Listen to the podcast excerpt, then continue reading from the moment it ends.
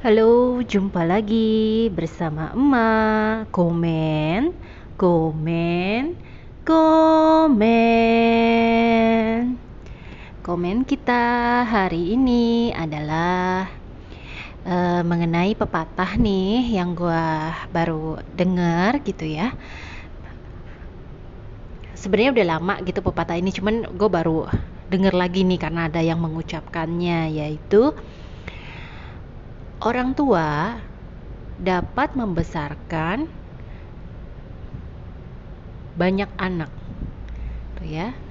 Tetapi seorang anak belum tentu bisa merawat orang tua. Nah jadi pepatah ini itu kan uh, uh, apa namanya mengarahkan gitu ya kepada uh, pandangan sudut pandang bahwa anak itu belum tentu bisa merawat orang tua gitu. Jadi di sini itu gue itu mau membahas uh, mengenai uh, gimana supaya anak itu bisa merawat orang tua gitu. Bukannya membahas anak itu nggak bisa merawat orang tua gitu sebelumnya gue disclaimer dulu bahwa gue ini bukan ahlinya, bukan pakarnya dalam bidang ini gitu ya. Jadi gue di sini sekedar sharing dari pengalaman-pengalaman yang gue dapet selama hidup ini gitu dan juga dari sisi sudut pandang yang selama ini gue terima gitu. Nah, jadi uh, kita mulai dulu membahas uh, sebenarnya itu alasannya kenapa sih orang tua itu uh, anak itu tidak bisa belum tentu bisa merawat orang tua gitu ya. Jadi kita uh, bedakan dulu nih gitu. Perbedaannya dari orang orang tua merawat anak itu adalah uh, anak itu mungkin pada saat dia lahir itu kan dia kan bergantung 100% dengan orang tuanya nih. Gitu. Dia itu sama sekali tidak mandiri gitu ya untuk melakukan apa pun gitu. Jadi perbedaannya adalah ketika kita merawat anak anak itu dari waktu ke waktu seiring berjalannya waktu anak tersebut dari yang tadinya belum bisa apa-apa lama-lama dia menjadi mandiri gitu. Mandiri dan bisa melakukan hal-hal hal-hal yang ingin dia lakukan itu dengan mandiri gitu tanpa perlu kita bantu lagi gitu orang tua bantu lagi. Sementara itu perbedaannya itu antara kita merawat orang tua adalah orang tua yang awalnya bis dari mandiri bisa melakukan apa-apa sendiri seiring berjalannya waktu lama-lama dia itu menjadi tidak mandiri dan bergantung kepada anak gitu. Jadi semakin lama dia semakin berkurang nih uh, apa keterbatasan fisik gitu loh, kesehatan fisiknya menurun gitu ya. Dan mungkin ada yang lainnya mungkin secara emosinya juga. Balik lagi katanya kan orang bilang tuh kalau orang tua itu semakin tua itu kembali lagi seperti bayi gitu, seperti anak-anak. Bahkan sifatnya juga seperti anak-anak gitu. Jadi uh, kita itu harus untuk merawat orang tua itu memang dibutuhkan ekstra kesabaran. Dan yang paling penting itu yang mau gue bahas di sini itu selain sabar adalah uh, komunikasi, komunikasi dan toleransi yang berjalan dengan baik antara anak dengan orang tua gitu. Jadi uh, apa ya? Uh, jalinan kedekatan, kedekatan itu loh, keakraban itu, keharmonisan itu gitu yang yang wajib nih kita pupuk gitu ya dari sekarang mungkin yang uh, orang tuanya masih bisa mandiri gitu ya. Coba deh kita pupuk gitu. Kalau gue sendiri kebetulan uh, orang tua gue juga uh, sudah berkurang gitu ya uh, ininya apa namanya kemandiriannya gitu. Sudah mulai bergantung gitu. Karena kesehatannya pun sudah mulai menurun gitu. Nah kebetulan kalau yang dididikan gue waktu masih kecil itu dengan didikan orang tua zaman dulu katanya.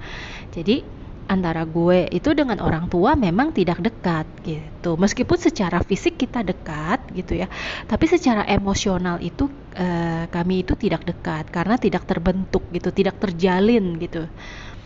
Jadi untuk yang secara emosinya tidak dekat gitu ya, seperti gue dengan orang tua gue, ya paling sebisa mungkin kita coba uh, apa? Kita coba misalkan nih kalau untuk segi makanan gitu ya kita so, uh, coba sajikan makanan-makanan yang sehat dan juga uh, mungkin bervariasi gitu. Dan uh, kami ini nih sebagai anak-anaknya juga terkadang juga kita memberikan makanan-makanan yang enak dalam tanda kutip gitu jadinya enak tapi belum tentu ada gizinya dan manfaatnya untuk badan gitu. Untuk uh, apa? Sebagai selingan gitu supaya dia tidak jenuh tidak bosan gitu. Karena orang tua juga mirip kan ya kayak anak kecil gitu. Kalau dia bosan atau apa dia tidak mau makan gitu loh. Nah nah itu kan eh, daripada daripada gitu ya. Jadinya kita tuh memberikan beberapa kita sebutnya itu beberapa bonus lah gitu untuk makanan variasi gitu. Nah selebihnya gitu ya seperti uh, ayah gue gitu, ayah gue itu dia itu uh, waktu mudanya itu dia nggak banyak rewel. Apa pun makanan yang ibu gue sajikan itu tuh dia makan gitu. Dia selalu setiap kali bekerja itu dia uh, membawa ransum lah ya, bawa uh, lunchbox sendiri gitu ya mas masakan dari rumah gitu. Jarang banget jajan. Sementara ketika dia sudah pensiun dan sudah di apa di rumah aja gitu ya dan kebetulan kan saat ini kan minimarket minimarket kan bertebaran nih di sekeliling kita gitu. Jadi aksesnya itu lebih mudah. Nah jadinya itu uh, kebetulan tuh uh, ayah gue itu suka banget dengan mie instan gitu jadi meskipun secara do, uh, kesehatan gitu ya dokter juga sudah mencoba untuk membatasi. Batasilah untuk konsumsi-konsumsi mie instan gitu. Nah, tapi kan uh, karena ketidakdekatan uh, kita secara emosional tersebut gitu ya. Jadinya uh, ayah gue ini nih dia tuh uh, meskipun kita tidak menyajikan gitu ya dia itu bisa tuh masak sendiri gitu.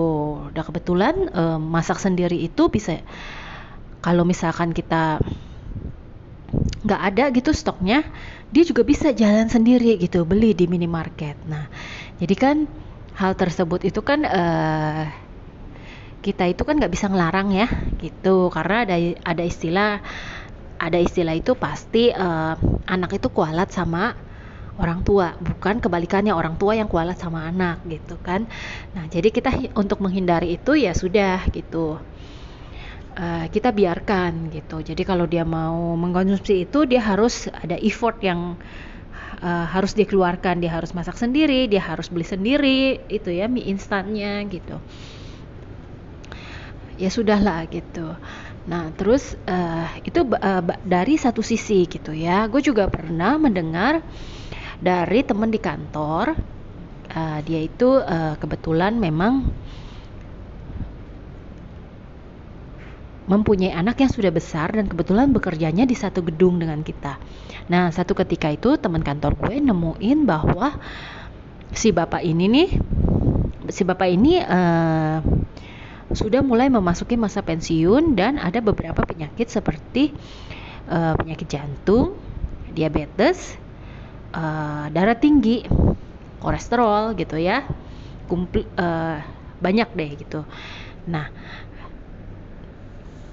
temen gue ini ada laporan nih, si bapak ini udah tiga hari loh, dia lihat uh, makan siangnya itu adalah nasi putih dengan mie instan. Nah, otomatis kan ah, temen gue yang satu lagi nih yang nggak denger nih langsung dong sepaneng gitu kan ya dipanggil lah gitu kan anaknya gitu. Panggil anaknya ditanyain gitu kenapa uh, ayahnya itu makan hanya dengan nasi putih dan mie instan gitu. Nah pada saat itu uh, anaknya itu bilang dan malah curcol gitu ya aduh pusing memang si ayah ini. Padahal saya udah bawain uh, sayur-sayuran dan lauk yang dimasak sendiri gitu kan ya tapi tetap saja si ayahnya itu nggak mau makan gitu. Oh jadi dari situ gue tuh sedikit ter sadarkan gitu tersentil gitu. Tadinya kan awalnya kita pikir aduh kasihan ya si bapak ini gitu udah gedein anak anaknya sekarang sudah menikah gitu ya. Kok sekarang uh, dia tetap masih makannya begitu-begitu aja gitu kan. Ternyata tuh kebalikan gitu loh.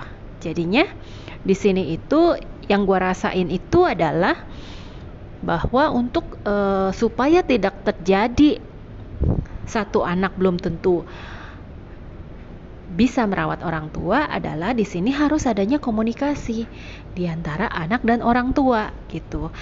Seperti contoh, mau nggak sih si orang tua ini dirawat dengan anaknya gitu. Disatukan dulu nih uh, apa namanya namanya setiap orang kan memang pasti berbeda gitu ya caranya segala macamnya. Tapi se sebisa mungkin kita coba satuin gitu loh. Kayak misalkan belum tentu gitu kan ya orang tua yang apalagi yang dulunya punya super power yang dulunya tuh mandiri banget. Tiba-tiba dia harus bergantung sama anaknya. Di sana itu pasti ada rasa gengsinya. Terus juga egonya dia sedikit ter ter bukan terluka ya maksudnya egonya sedikit terganggu lah gitu. Baratnya yang dulunya dia bisa begini begana yang dulunya mungkin dia bisa pergi. Semau semaunya dia gitu kalau dia ada apa atau ada janjian sama apa gitu ya dia bisa pergi sendiri nyetir sendiri pergi dan sendiri segala macam gitu ya. Tetapi karena sekarang mungkin keterbatasan fisik dan yang lain halnya otomatis kalau dia mau pergi itu dia harus minta tolong anaknya untuk anterin gitu kan nah itu kan kadang-kadang yang bikin uh, apa namanya mereka itu jadi sungkan jadi segan gitu kan. Belum lagi kalau misalkan anaknya nggak sempet gitu. Lagi sibuk dengan keluarganya atau ada acara keluarga gitu kan. Jadi kan otomatis sedikit banyak yang tadinya dia bisa beraktivitas dengan bebas sekarang menjadi tergantung dan ter uh, terbatas gitu. Jadi itu dulu gitu orang tua itu belum tentu bisa menerima uh, dengan ritme kehidupan yang baru yang seperti itu gitu seperti uh, contohnya nih, kita yang tadinya single, begitu kita menikah dan punya anak, otomatis kan kita ada ritme yang baru gitu kan. Ada ritmenya baru, ada tanggung jawab baru, ada yang mesti dipikirin setiap hari gitu. Dibandingkan kita single gitu. Nah, sama seperti uh, orang tua yang sudah menjadi tua gitu ya. Dia itu banyak sekali struggle-nya sendiri gitu. Dan gue sendiri pun uh, ya memang sih bukan uh, ininya ya ke, apa karena gue belum mengalami menjadi tua gitu kan ya tapi gue uh, sudah mengalami sudah mengalami gue ini adalah seorang orang tua juga dan juga seorang anak juga gitu. Dan di sini gue mau menjelaskan dari sudut pandang yang seperti itu gitu loh bahwa orang tua itu juga butuh untuk mempersiapkan dirinya mentalnya dalam memasuki uh, usia lanjut gitu. Kayak gue nih uh, sering nih gitu. Kadang-kadang gue bahas gitu ya sama pasangan gue gitu. Kira-kira lu udah siap belum sih gitu? Atau kita udah siap belum sih kalau suatu saat nih kita ini harus pensiun? Apa yang kegiatan apa yang akan kita lakukan gitu kan? Karena dulu ayah gue itu pernah bilang orang tua jika tidak melakukan apa-apa maka dia akan cepat meninggal. Gitu. Karena mungkin secara fisik dan secara otaknya itu tidak maksimal dipergunakan lagi gitu. Jadi kayak ayah gua pun sampai uh, dia tua pun dia juga masih membaca-baca buku. Dia masih tuh karena dia seneng kayu-kayu ya dia masih uh, apa bikin-bikin kursi gitu kan. Bikin-bikin kursi sendiri untuk dipakai di rumah gitu. Kegiatan-kegiatan seperti itulah. Jadinya uh, kita tuh sebagai anak juga harus bisa memaklumi itu gitu loh. Kesiapan orang tua itu dalam memasuki masa uh, tuanya gitu. Apakah mereka sudah siap gitu kan? Dan kita juga sebagai anak sebisa mungkin kita membantu gitu. Dan juga uh, mencoba membantu dan juga mencoba mengerti posisi mereka gitu. Karena suatu saat kita akan berada di posisi mereka tersebut gitu. Kita akan menjadi lansia juga gitu kan. Kalau diberikan umur panjang kita juga akan menjadi lansia juga dan kita juga akan menghadapi struggle yang sama gitu dengan orang tua kita. Jadi kalau dari sisi anak ya yang bisa gue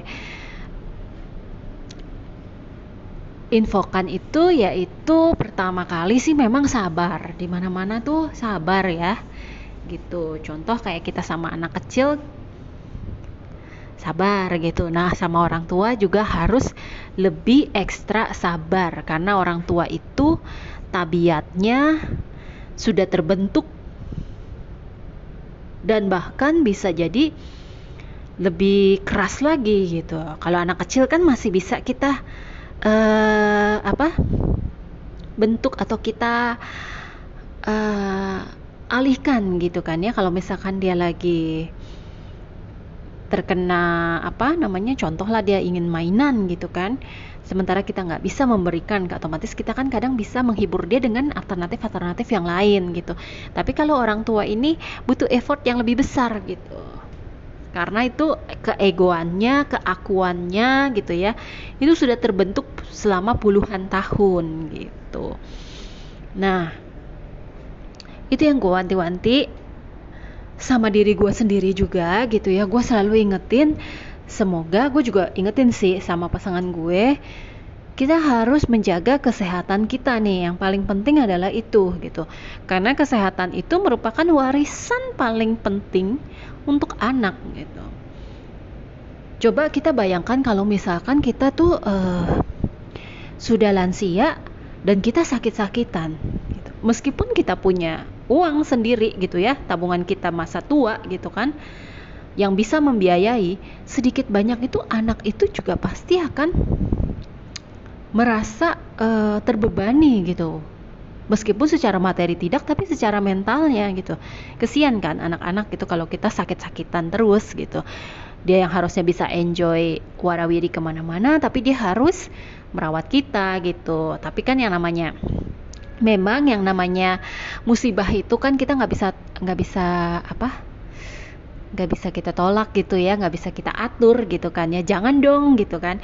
Nggak bisa gitu. Tapi kita bisa berusaha un untuk menjaga kesehatan kita. Dimulai dari kapan? Dari sekarang dari saat ini dari kita masih muda gitu. Karena itu investasi kesehatan itu adalah investasi jangka panjang gitu. Nggak bisa hari ini lu makan sehat besoknya lima tahun ke depan lu pengennya jadi sehat gitu nggak bisa itu harus dipupuk gitu setiap hari gitu.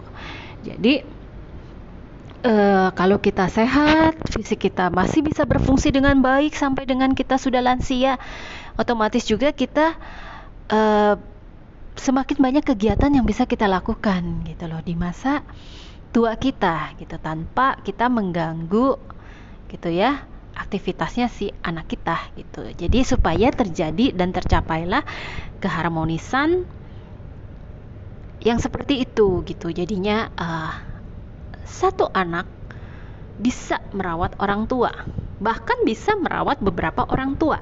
Jadi tergantung orang tuanya dulu gitu. Orang tuanya mau tidak dirawat. Kalau anaknya sudah mau merawat tapi orang tuanya tidak mau dirawat, Nah, itu juga susah gitu kan ya. Ada banyak yang seperti itu, gitu. Banyak sekali yang mengeluh gitu kan ya. Jadi ada juga yang orang tuanya, misalkan nih orang tua zaman dulu kan ya, uh, dia itu punya beberapa anak gitu. nanti kadang terkadang dia nginep di anak yang pertama terus di anak yang kedua di anak yang ketiga nah itu tuh orang tuanya itu dibilang semakin tua itu semakin suka ada yang suka mengadu domba mengadu dombanya jadi pada saat dia nginep di anak pertama dia ngomonginnya an anak yang kedua, anak yang ketiga, anak ini gini gini gini. Nanti begitu pun kebalikannya. Ya namanya itu udah tabiat ya, udah tabiat, udah ini gitu. Ya kita cobalah memaklumi gitu karena kan kita uh, gue juga lagi belajar nih mem ya sudah jika hal tersebut jika orang tersebut perkataannya atau perbuatannya tidak tidak menyenangkan dan uh, apa namanya bisa memberikan eh, hal-hal uh, negatif ke kita menimbulkan hal-hal negatif di kita ya udah sebaiknya kita nggak usah dengerin gitu. Kita udah tahu nih apa yang keluar dari mulutnya dia itu pasti negatif-negatif. Ya udah gitu. Kita nggak usah dengerin. Ataupun kalau kita mau dengerin gitu ya kita dengerin ya udah kita ambil positifnya aja gitu. Nih orang nih memang begini gitu ya. Jadi mereka tuh kita setting sebagai reminder buat kita eh gila ya tuh orang ngomongin orang mulu setiap hari gitu misalkan. Ya udah kita settingin reminder nih buat kita nih. Ketika pada saat kita lagi makan siang gitu ya kita lagi mau gosipan sama orang kita ingat oh kalau gue ngomongin orang juga kayak dia berarti gue sama dong kayak dia gitu kan. Jadi itu dijadiin reminder aja gitu jadi gue juga sekarang tuh udah mulai uh, coba ngelepas ngelepas udahlah kalau hal-hal yang tidak baik dilemparkan ke kita gitu ya. Kita nggak usah dimasukin ke dalam hati gitu. Nggak usah dipusingin deh sekarang zaman sekarang gitu. Karena kalau lu selalu memusingkan hal-hal yang di luar gitu ya ada di luar lempar gitu ya hal-hal negatif ke kita kita serap gitu. Kita mau ambil kita mau ini akhirnya kita jadi negatif apa ya kita mau uh, menjalani kehidupan dengan seperti itu? Apakah kita akan bahagia? Gitu. Intinya balik lagi apakah kita akan damai? Gitu. Kalau misalkan lu merasa lu damai dengan setiap hari bergosip dan nyerapin hal-hal negatif dari lingkungan sekitar lu ya sok nggak apa-apa gitu. Kalau lu bisa damai. Tapi kalau lu belum bisa damai ya udahlah nggak usah lu masukin gitu. Ada orang bilang eh hari ini kok baju lu gitu banget sih? Nggak matching banget sih? Jelek banget sih? gitu ya. Ya udah nggak usah dipusingin gitu kan. Kalau dulu gue memusingkan itu gila ya baju gue jelek ya? Emang jelek ya? Gini ya? Aduh besok berarti gue harus beli baju ya? Nggak ada habisnya gitu. Jadi intinya supaya kita bisa hidup harmonis dengan orang lain, dengan orang tua gitu ya, dengan anak-anak kita kelak. Kita itu harus mencoba untuk belajar berkomunikasi, belajar dekat, mau mendekat dengan orang tua, mau mendekat dengan anak gitu ya bagi yang belum dekat gitu ya secara emosional gitu. Karena itu kedekatan itu sangat luar biasa gitu manfaatnya untuk kita ke depannya gitu. Oke, sekian dulu. Sampai jumpa di episode berikutnya. Bye.